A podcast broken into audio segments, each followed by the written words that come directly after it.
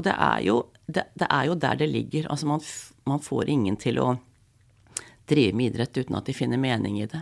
Og de må finne mening i det å trene på dager som det ikke er så moro, og på dager som det går lett. og det.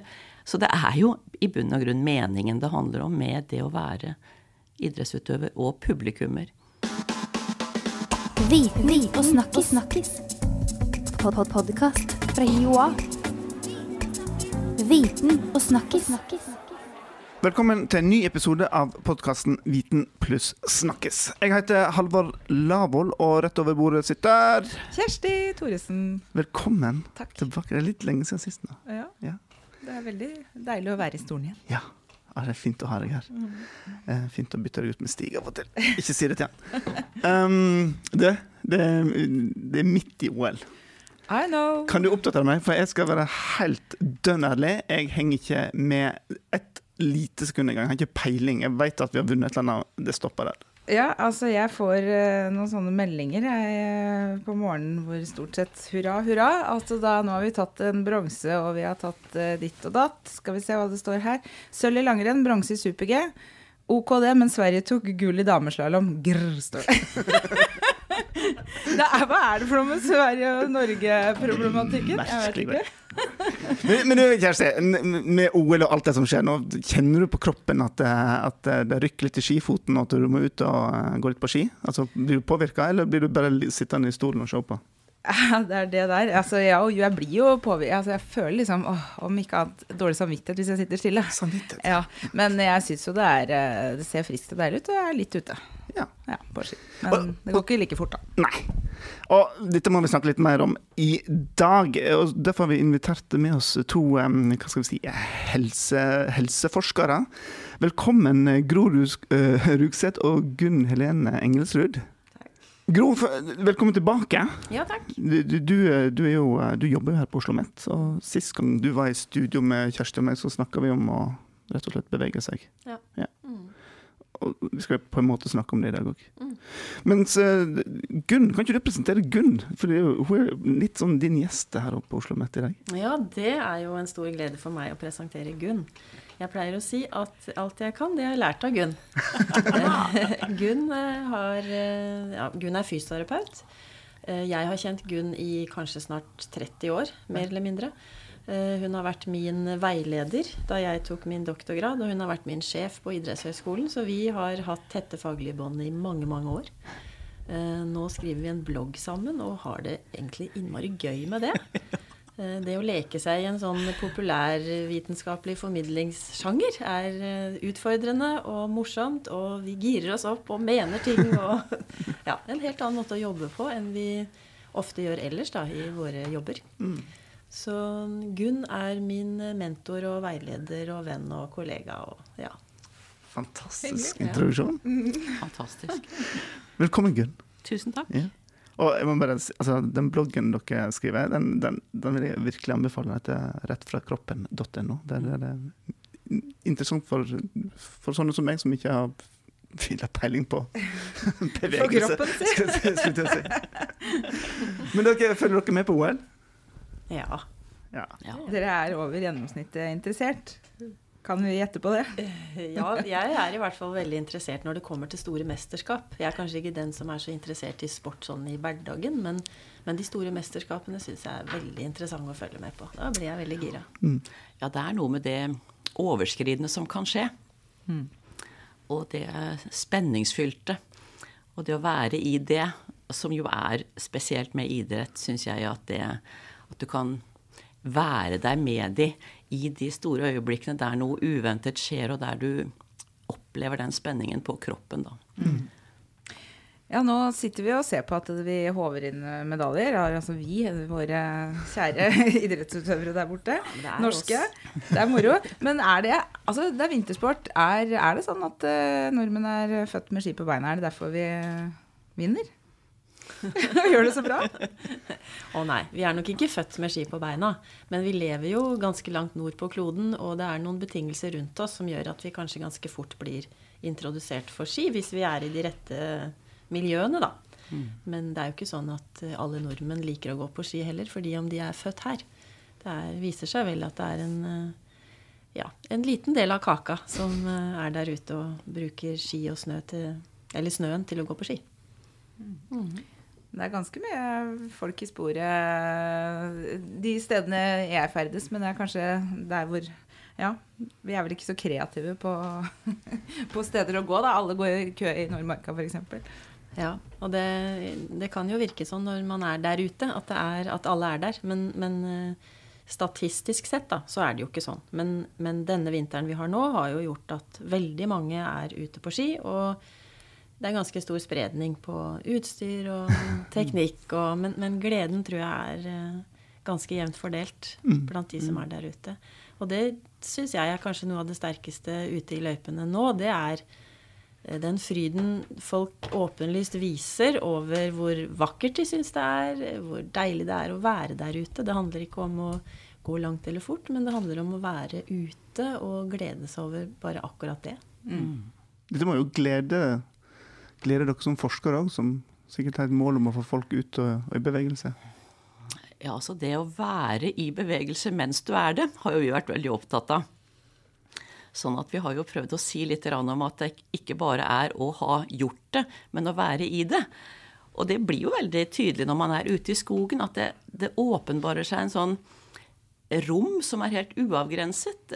Du føler horisontene, trærne, himmel, jord, altså alt som er viktig rundt deg. Så i hvert fall jeg føler Du kan liksom føle at du blir en del av det universet. Og det er deilig å møte andre, og folk smiler, og hvis de da ikke kaster ø, ø, staven på hverandre eller er, er av den sorten. Men det er jo en veldig sånn den, den omgivelsesrelaterte bevegelsen som det å være i den kontakten er. Så det er ikke bare sunt for kroppen, det er sunt for sjelen også. Ja, jeg, jeg, tenker litt på altså, um, Facebook og, og, Snapchat og Instagram. Altså det flømmes, eller flommer over av um, vakre bilder av folk som er ute. Og så er det en tendens til å tolke det av andre som en type sånn skryt. At man da dokumenterer at man har vært i aktivitet. Mens jeg prøver å tenke helt annerledes om det. Jeg tror rett og slett at vi, vi tar sånne bilder og deler de med andre fordi vi nettopp er så eh, vi er så begeistra for at vi er en del av det. Mm. Så jeg, det er veldig sjelden jeg tenker om så, andres sånne bilder at å gud, nå skal hun skryte av at hun har gått så langt. Eh, jeg kjenner den samme fryden, og, og jeg veit Jeg tenker at jeg veit hva hun kjente på da hun tok bildet og ville dele det. Mm. Men du, litt tilbake til dette med OL, som, som dere er ganske begeistra for. Snakker vi her om ren underholdning, eller vet vi om noe om dette her at store arrangement som dette påvirker oss til å, å, få lyst til å gå ut og, og gå på ski sjøl, gå på skøyter og, og, være aktive? Altså, vi liker i hvert fall å tro det. Men, men, så det, det, vet jeg egentlig ikke. Men det, altså, man, man hadde jo etter at Bjørn Dæhlie vant eh, på ski, så begynte alle småunger å gå på ski og kaste seg over mål. Og det virket som det stimulerte mange, da. Men jeg tror også den, det, som, det som jeg liker, det er liksom den følelsen av, av å lykkes, da. Når noe står på spill. At det er sånn deilig å se. Det, det, det gikk. Uh, i, i, i, en retning som du kanskje hadde håpet på, eller kanskje ikke turt å tro på, men du var der og kjente at det gikk bra. Det er en veldig sånn deilig følelse å ha når man ser på. Altså det, og det er jo noe med at det, det, smitter over. Så vi tar imot andres glede i vår egen kropp. Og det er jo hele grunnlaget for at vi vil være publikum. Vi kjenner det samme, vi vil være med på det. Så det er ikke isolerte kropper som vinner, men det blir dette store vi. Vi føler med og er med. Og sånn, sånn er vi. Så det er jo blitt en del av den norske identiteten, det å være liksom god, og da er vi Det, det gjør noe med samholdet, rett og slett? Men sånn er det alltid. Mm. Altså, det har ikke noe med å være norsk, det har noe med å være sammen mm. om noe som vi kjenner at vi Ja, vi rett og slett kjenner det på oss sjøl. Så det, det, har, det, det, det, tror jeg er en sånn universell ting med å delta på noe. Store idrettsarrangementer og, og, og, føle den Altså det å være på en fotballtribune, f.eks., og det skal være ett minutts stillhet fordi eh, Manchester United mista 18 spillere for 40 år siden, men vi sitter der alle står der det ene minuttet, og det er musestille. Og det er liksom Det er så sterkt å være der med de andre, som også er stille. Og, og det der, ja, Holmenkollbrølet, for eksempel. Det er ikke bare du som brøler, men alle gjør det. Og så, så, Det er ikke noe typisk norsk, men det, det er noe vi mennesker eh, deler i de øyeblikkene, og det, det, er, det er, deilig. Mm. Jeg tenker, altså, sånn For egen del så, så, så, er jeg ganske sikker på at jeg, jeg går ikke ut på ski fordi de har gjort det på TV. Men når jeg er der ute, så kan jeg kanskje tenke en del på det jeg har sett på TV. Og jeg kan liksom tenke når jeg møter en motbakke eh, at, at liksom de prestasjonene jeg har sett på TV, de kommer et Altså jeg får noe å sammenligne det med. Mm. Uh, og jeg kan se meg sjøl på andre måter gjennom det jeg har sett at de har gjort. Mm. Så, så, det er jo virksomt i meg. Men, men, det er ikke en sånn instrumentell sammenheng at de gjør det, da gjør jeg det også. Det, det handler om noe dypere og mer. Og, og, det kan jeg bruke ganske mye tid på ute i løypa og bli klar over at ok, nå driver jeg og tenker på at Marit Bjørgen sa at når hun fikk syre, så sa hun 'Hei, smerte. Der er du.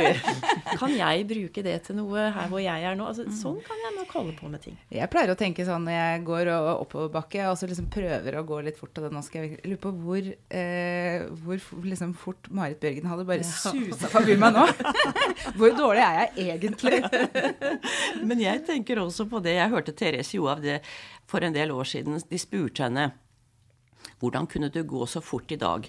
Og da sa han jeg skjøv ned, jeg skjøv ned. Hvert steg. Jeg skyver ned, jeg skyver ned.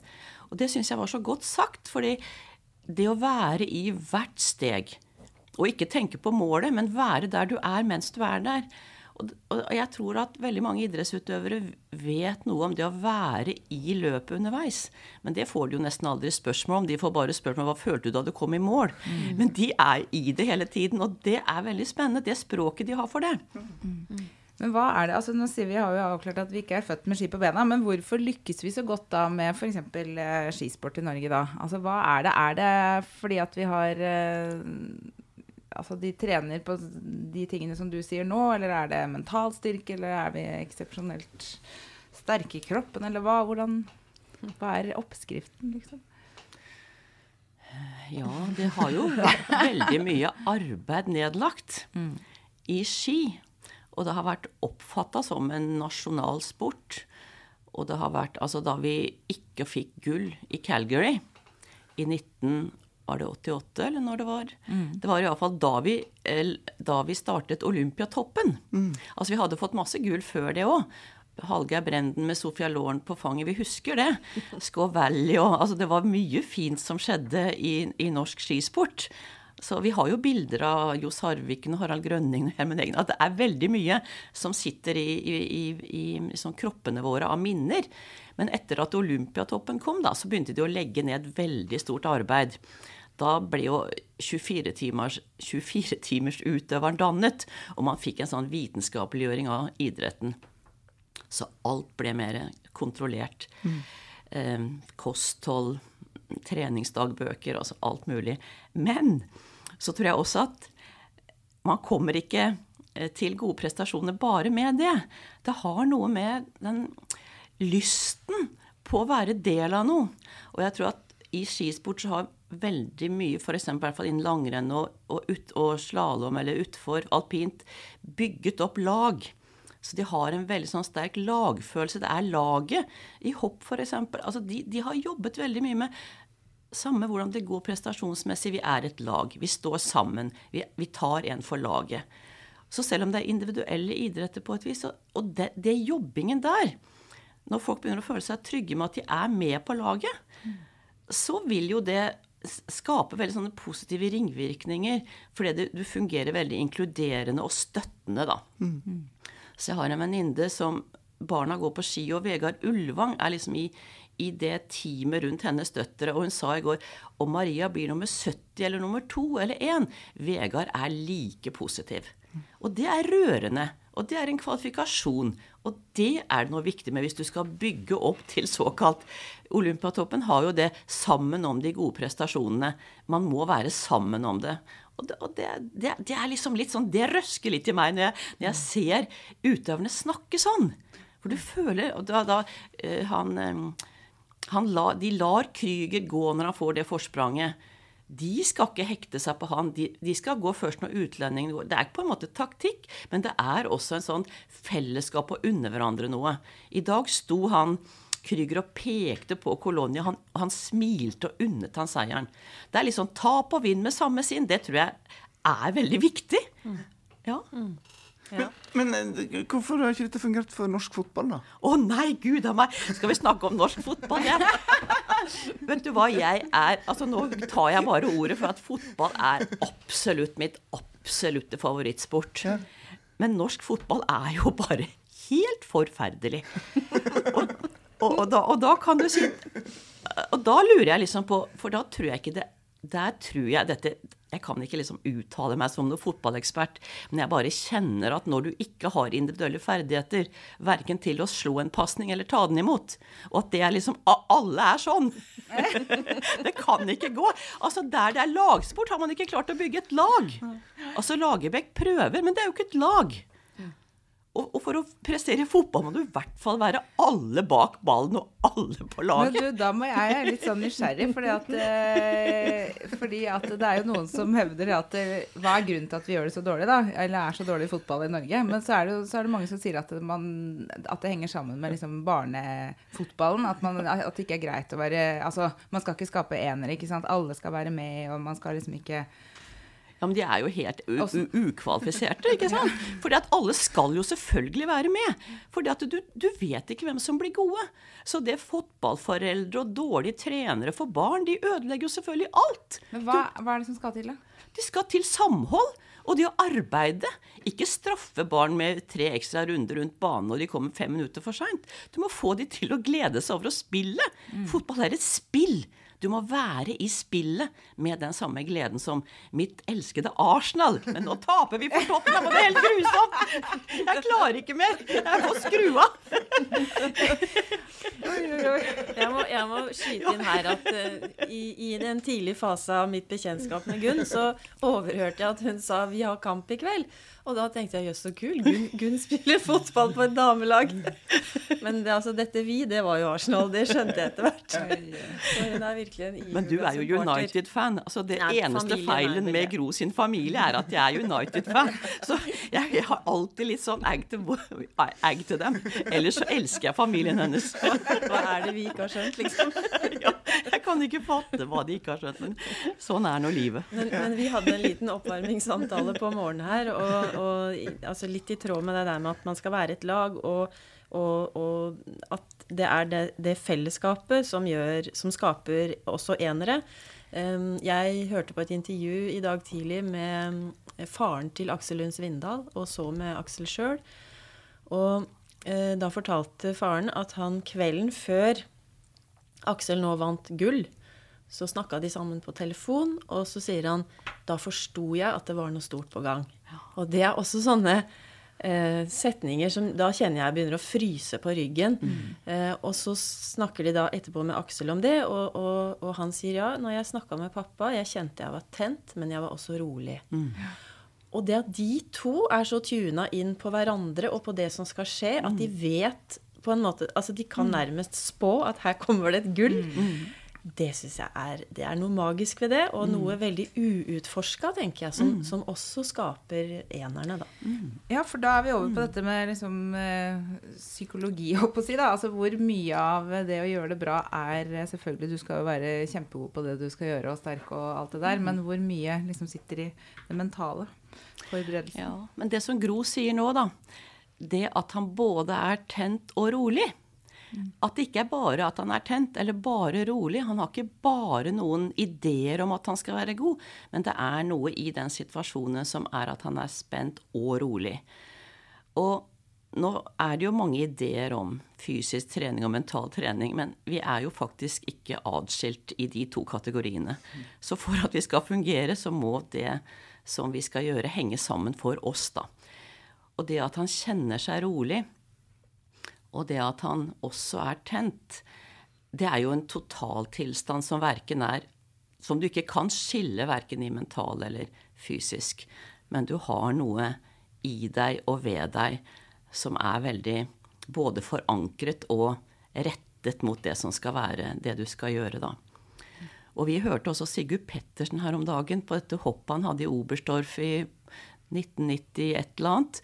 Og da sier han liksom sånn da, Når han slapp bommen, og han kom på hoppkanten og tok den derre anstrengelsen som nærmest var et blackout, og så sa han og så gjaldt det å være med så lenge som mulig i svevet. Og det viser liksom at det er svevet som han bare flyter med på.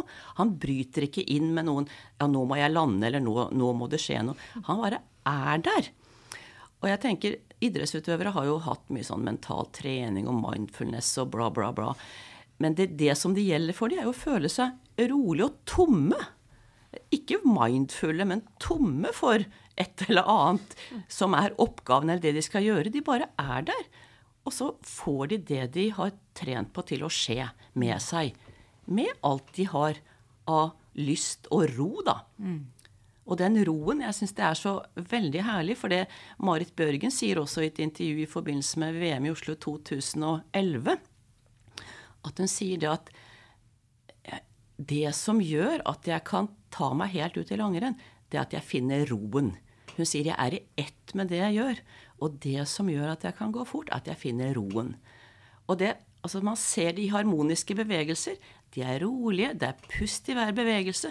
Det fungerer. Det er ikke noe mekanisk eller holdt over det.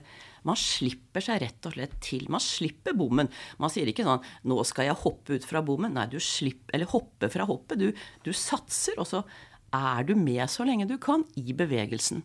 Og det er jo sånn å få den fremdriften i langrenn, og det, det er, og det, det er nytelsen ved å se på det. At det foregår uanstrengt. Du ser ikke Du er ikke sånn viljestyrt bevegelse. Det, det, fungerer ikke. Du må flyte med. Og det er jo en helhetlig kroppsopplevelse og en opplevelse av, av situasjonen, da. Og den kontakten de to har, som Gro nevner. Det, det, det er fantastisk, den følelsen. Det er liksom that feel, altså, som han uh, Kit Richard sier. That feel. To get that feel. Mm. Og der ble sport kunst for meg. Men det er jo det. Ja, det er jo det. Jeg tenker at etter eh, hvert fall så, så Altså um, etter fysiske anstrengelser så, så, kan man jo føle seg uh, utmatta uh, altså, som et hele.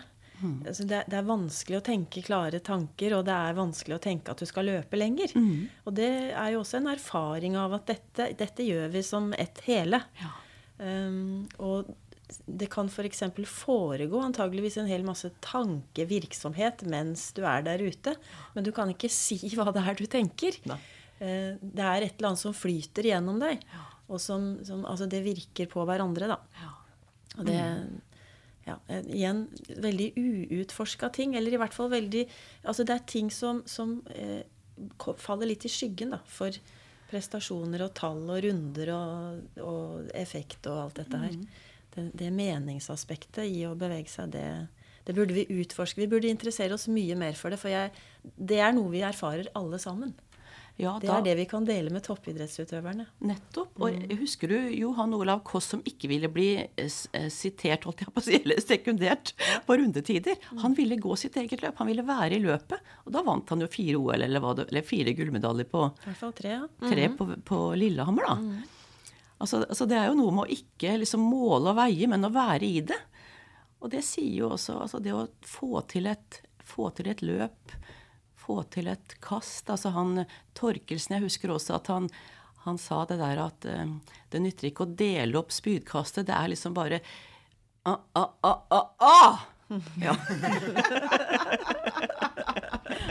men, men, er dette her noe nytt, dette her dere snakker om psykologien eller mindfulness? Altså, det, at en snakker om at en har fokus på oppgavene. Uh, her, er dette noe sånn uh, idrett 2.0, eller er det noe en har hatt med seg i all den tid? Uh, jeg tror det er litt nytt. Nytt, litt hipt. og, og, det er gjerne sånn, tenker jeg, at når noen introduserer tenkning som avgjørende for å få til ting, så snapper vi det veldig fort opp, for det syns vi høres så innmari lurt ut. Ja. Vi tror veldig på den ideen, så jeg tror det har veldig god grobunn å snakke på den måten.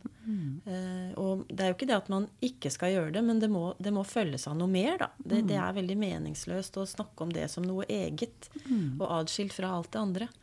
Så vi kan jo, vi som er opptatt av mening, kan jo absolutt bli inspirert av at folk snakker om det på den måten de gjør.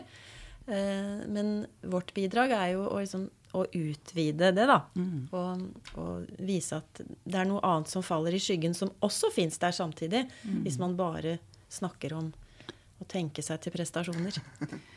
Jeg tror at idrettsutøvere også har god nytte av en del idrettspsykologer. Hun Britt Hyatt f.eks. Langrennsjentene sier at de, det er veldig godt å snakke med henne. Men det de sier, det er veldig godt å snakke med henne fordi hun er opptatt av dem. Fordi da får de følelsen at hun syns at det de ønsker å ta opp, er interessant. Så de får plassert noe. og Da kaller de det ofte at de får rensket opp i huet. Det hører du ofte at de sier, da. Men de får en trygghet. Og det sier de at de er veldig avhengig av. Å ha den tryggheten. Sånn at de ikke blir unødig nervøse da, hvis det tar over. At de ikke finner den roen som de trenger for å prestere. Så det å balansere de tingene, det, det, det hjelper nok disse til. Og når de begynner å legge lapper i, i, i skidressen deres med 'tenk at du har en bjørn i hælene', så det kan jo fungere for noen, men jeg syns det er litt komisk. Ja, det, og det har jeg hørt òg. Og så har jeg hørt at eh, liksom, eh, de, er et, de skal være et dyr og ha en farge, og så skal de ha en sånn der farge, farga lapp eller en ting liksom, Det har jeg hørt. Jeg tenker liksom Ja, nei, jeg vet ikke. Men, men når jeg hører det, så tenker jeg litt på barnebarnet mitt, som, som eh, f.eks. kan veldig godt like å være tiger. I familieselskap så plutselig så blir han tiger, og da tar han over alt og har full kontroll. Og når han drar i barnehagen, så vil han ha en stein i lomma. Eh, Ikke en lapp, men en stein. Altså, hva er det i det menneskelige ved å ville liksom gå inn i, en- i en, en type rolle, da? Og ta over noens bevegelser og væremåter, som du også da kan ja, hente noe ut fra. Jeg, jeg, jeg syns igjen at det er eh, Det kan jo høres rart ut, men jeg, jeg kan på en måte forstå det som noe de har tak i noe menneskelig der, som vi både som veldig små og som godt voksne rett og slett driver med. altså. Men så løfter de det opp til noe spesifikt som betyr noe for dem. Og når, når Marit Bjørgen da er Jeg tror det er tiger som er liksom hennes dyr, så, så kan jeg tenke litt på lille Olav. Som, så, altså Han får så mye krefter. Han blir så Han er to år, men han blir jo så stor når han blir tiger. Ja. Så det er et eller annet i den forestillingen, da. Det er, jo, det er jo igjen det magiske ved vår evne til å leve oss inn i nye dimensjoner og altså det, det er, ja, ja, Men det er interessant det Gro sier der, for det handler jo om vår, forestillingsevne. Og det å evnen til å gi betydning til noe. Så gitt at du klarer å gi betydning til den lappen, da. Og at du, noen trenger det å føle seg tomme, noen trenger det å føle seg som tiger. Men dette forandrer seg jo. Det å klare å holde den objektkonstansen som man tenker på at dette overgangsobjektet skal minne deg på noe. Du skal holde et eller annet fokus på noe bestemt, og ikke glippe med det. Men det er jo også et sånt eh, produkt av en tankegang som gjør oss veldig umenneskelige òg, hvis vi skulle liksom klare å bli så styrt av et, av et sånt overgangsobjekt som betyr alt. For det forandrer seg jo i løpet av Altså kampen, Du må lære også underveis i løpet i kampen. Jeg husker altså Kjersti Grini på håndballandslaget før sa det. Du må liksom senke skuldrene og være i kampen mens du er der, for den forandrer seg hele tiden. Så det å ha en sånn fokus på ett objekt, når, når det plutselig skjer noe annet, da, da kan du ikke som Bergerud, han prøvde å tenke positivt, mens ballene raste inn. Da hjelper det ikke. Så det, det ideelle, altså det idrettsutøvere egentlig skal si når de blir intervjua etter at de har gjort et bra løp eller en kamp, så Nei, jeg var i det, husker ikke så mye fra det, men det klaffa. Ja, ja det tror jeg Alt det. klaffa samtidig. Nei, men så bra. Men eh, ja, ok, da har vi liksom fått uh, snakka litt om at uh, idretten på en måte har jo blitt litt mer vitenskapelig, men kanskje til tider litt for vitenskapelig. Vi må komme oss tilbake til gleden i eh, idrettsgleden, og at det er en lek, og, og liksom være i det. Uh, og så lurer jeg litt på, sånn som i OL nå, og egentlig du snakka om fotball overalt, det har jo blitt veldig kommersialisert all idrett, og det er jo et sirkus uten like. Og det er smørbusser, og det er Ja, og noen ganger så er jo årsaken til at det ikke går bra, er jo feil smør... Altså, det er, de er smørt bort, rett og slett. Altså, hva, hva skjer? Hva syns dere om dette sirkuset og utstyr og ressurser og Ja. Ja, jeg, jeg kan jo synes at det er, som du sier, et sirkus. Eh, Jeg har litt vanskelig for å sortere det og, og liksom si at vi kunne klart oss helt uten òg. Og, og det er vel kanskje troen på at det virker, er jo viktig i idrett. Så når du kjenner at du, Ja, det, det skal man ikke le av. Eh, jeg, jeg kan nok synes at eh, sånn som når den smørebussen ruller inn med svære, svære bilder av utøverne våre, og ja Jeg kan kjenne at det er ikke det jeg er mest stolt av å være en del av. Det, det syns jeg blir i overkant eh, nasjonalistisk. Eh, samtidig som jeg kan jo bli helt gæren aleine foran TV og være, liksom, kjenne meg så norsk, eller hva det er.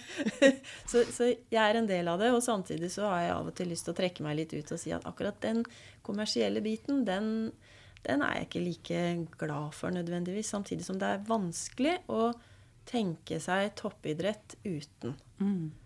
Så ja, Jeg er det er nok på linje der, ja. Jeg er nok på linje der. Altså sa- Salg og kjøp av spillere, f.eks. Det, det er, jeg jeg syns det er så forferdelig med de summene. Og nå har vi fått beholde Øsil tre og et halvt år, fått tre og en halv million i uka f.eks. Så er jeg så glad vi beholder han, så syns jeg det er så vanvittig at han tjener de pengene, og at han har det sånn. Og så, ja, og så må man bare si at de tingene der eh, på en måte ødelegger, men jeg, jeg vil ikke la det ødelegge for meg når jeg sitter der. Fordi jeg, jeg, har, jeg har glede av jeg, jeg, vil, jeg vil Jeg vil ikke liksom ta avstand fra idrettsopplevelsen av å være i den bevegelsen av den grunn, selv om jeg selv om jeg, jeg, jeg, jeg- tenker, kan, ikke komme, kan ikke flere begynne å snakke om at det gjelder å være der du er, og finne et litt annet språk for det å slippe seg til? Og altså bare go, go, go. Og bruke et litt annet språk enn ja, nå skal vi huske på å fokusere på oppgaven, hvorfor vi er her. Bare drit i det instrumentelle språket og liksom bare gjør det. Og ikke liksom lag det til en sånn egen kommersiell greie, eller ikke for det, det er jo skadelig, og man skader miljøet, man skader folk som driver med smøring. Eh, man må ha utstyr, det er et objekt du har, du kan ikke gå på ski uten ski. Og da vil det ut Jeg var kjæreste med den siste verdensmesteren på treski, Magne Myrmo. Og det var jo helt fantastisk, men han, han, han måtte jo bite i snøen, holdt jeg på å si, og skaffe seg glassfiberski. Men det var jo fantastisk, selvfølgelig. For da valgte han jo treskiene framfor Fischerski med ny såle den gangen, da. Eh, Så det er jo litt sårt, selvfølgelig, å tenke på, men jeg får leve med det. Men eh, Men det, da må vi nesten føye til at eh, hun som snakket nå, Gunn Engelsrud, var vel blant de første kvinnene som gjennomførte Grenaderen gjennom Nordmarka. Oi. Ja, jeg vant den første grenaderen. Jeg gikk ett år for å Wow. åpne den for kvinner. Men da fikk vi ikke mat ved målstasjonene. Men året etter vant jeg, altså. Så bra. Men har dere Ja. gått over til felleski nå, da? Nei, der er jeg ikke enda. Men jeg vurderer det. Ja, jeg vurderer det også. Altså, jeg har, jeg har eh, røbbeski som jeg til nød kan bruke, men jeg, jeg er litt glad i å smøre, ja da. Og da blir jeg Ja. veldig gammeldags, kanskje. Men jeg liker, jeg liker opptrappingen til skitur, Ja. eh, som innebærer for meg å sjekke appen, hva, hvordan er temperaturen, og sammensetningen av snøen, og hva sier de om hva jeg skal smøre. Og jeg liker bevegelsen av å smøre og gni ut, og da blir jeg klar. Rett og slett. Og nå som vi har den beste vinteren på mange år, så er jo forholdene kunne ikke vært bedre. Nei. Så nå er det bare skigåing og TV-titting eh, de nærmeste dagene, eller? Litt mat innimellom. Litt mat innimellom. Litt vinterferie med barnebarna. Altså. Ja. Ja. Eh, Gro og Gunn, dette var veldig hyggelig at dere ville komme og, og, og, og, og snakke om, eh, om, om så mangt ble det til slutt. Men eh, vi får glede oss over resten av OL, og, og så får vi huske å bruke snøen som er der ute. Eh, og så må vi igjen bare minne om den fantastiske bloggen dere skriver, som heter rettfrakroppen.no. Um, det kom et nytt eh, innlegg i, i går kveld om eh, om vi må dokumentere at det er sunt å, å flytte, forflytte på seg. Så den anbefaler jeg alle å lese. Og så eh, legger vi og lenker vi til den i eh, teksten som følger bloggen her. Så eh, ja. Hvor mange flere medaljer satser dere på før OL er slutt? Mm, To til. To til. Nei, vi skal ha Oi. flere. Oh, skal- ja, jeg ville si det var lite. Ja, det var lite. Uff, ja, men stafetten har ikke gått. Jeg trekker Ja. det tilbake. Ikke sitt hjemme. meg. Nei, jeg glemte jeg. Femmila til Ja, nei, nei, det blir ja, Nei, Gro To tipser. stafetter. Ja. Jeg tror vi skal ha fem-seks medaljer til. i hvert fall. Bra. Ja, den er jeg med på. Og Halvard, hvor er OL hen? Eh, på andre sida av eh, kloden, vidt jeg vet. Pyeongchang. Pyeongchang. Ja da. Ja da. Og til deg som hørte på, så håper jeg du får en eh, videre god OL òg. Og så takker vi for at du ville høre på denne episoden av Viten og snakkes. Og så anbefaler vi selvsagt å abonnere på podkasten for da får du neste episode automatisk ned i podkastappen din. Eh, og så, Vi må bare minne på at vi har ei Facebook-gruppe for denne podkasten. Der kan du òg uh, eh, følge med på hva som skjer, og snakke med oss og stille spørsmål osv. osv. Trekk inn pusten og si ha det. Ja, Ha det. det gjør vi. Ha det. Ha det. Viten og snakkis. snakkis. Pod -pod Podkast fra Joa. Viten og snakkis. snakkis.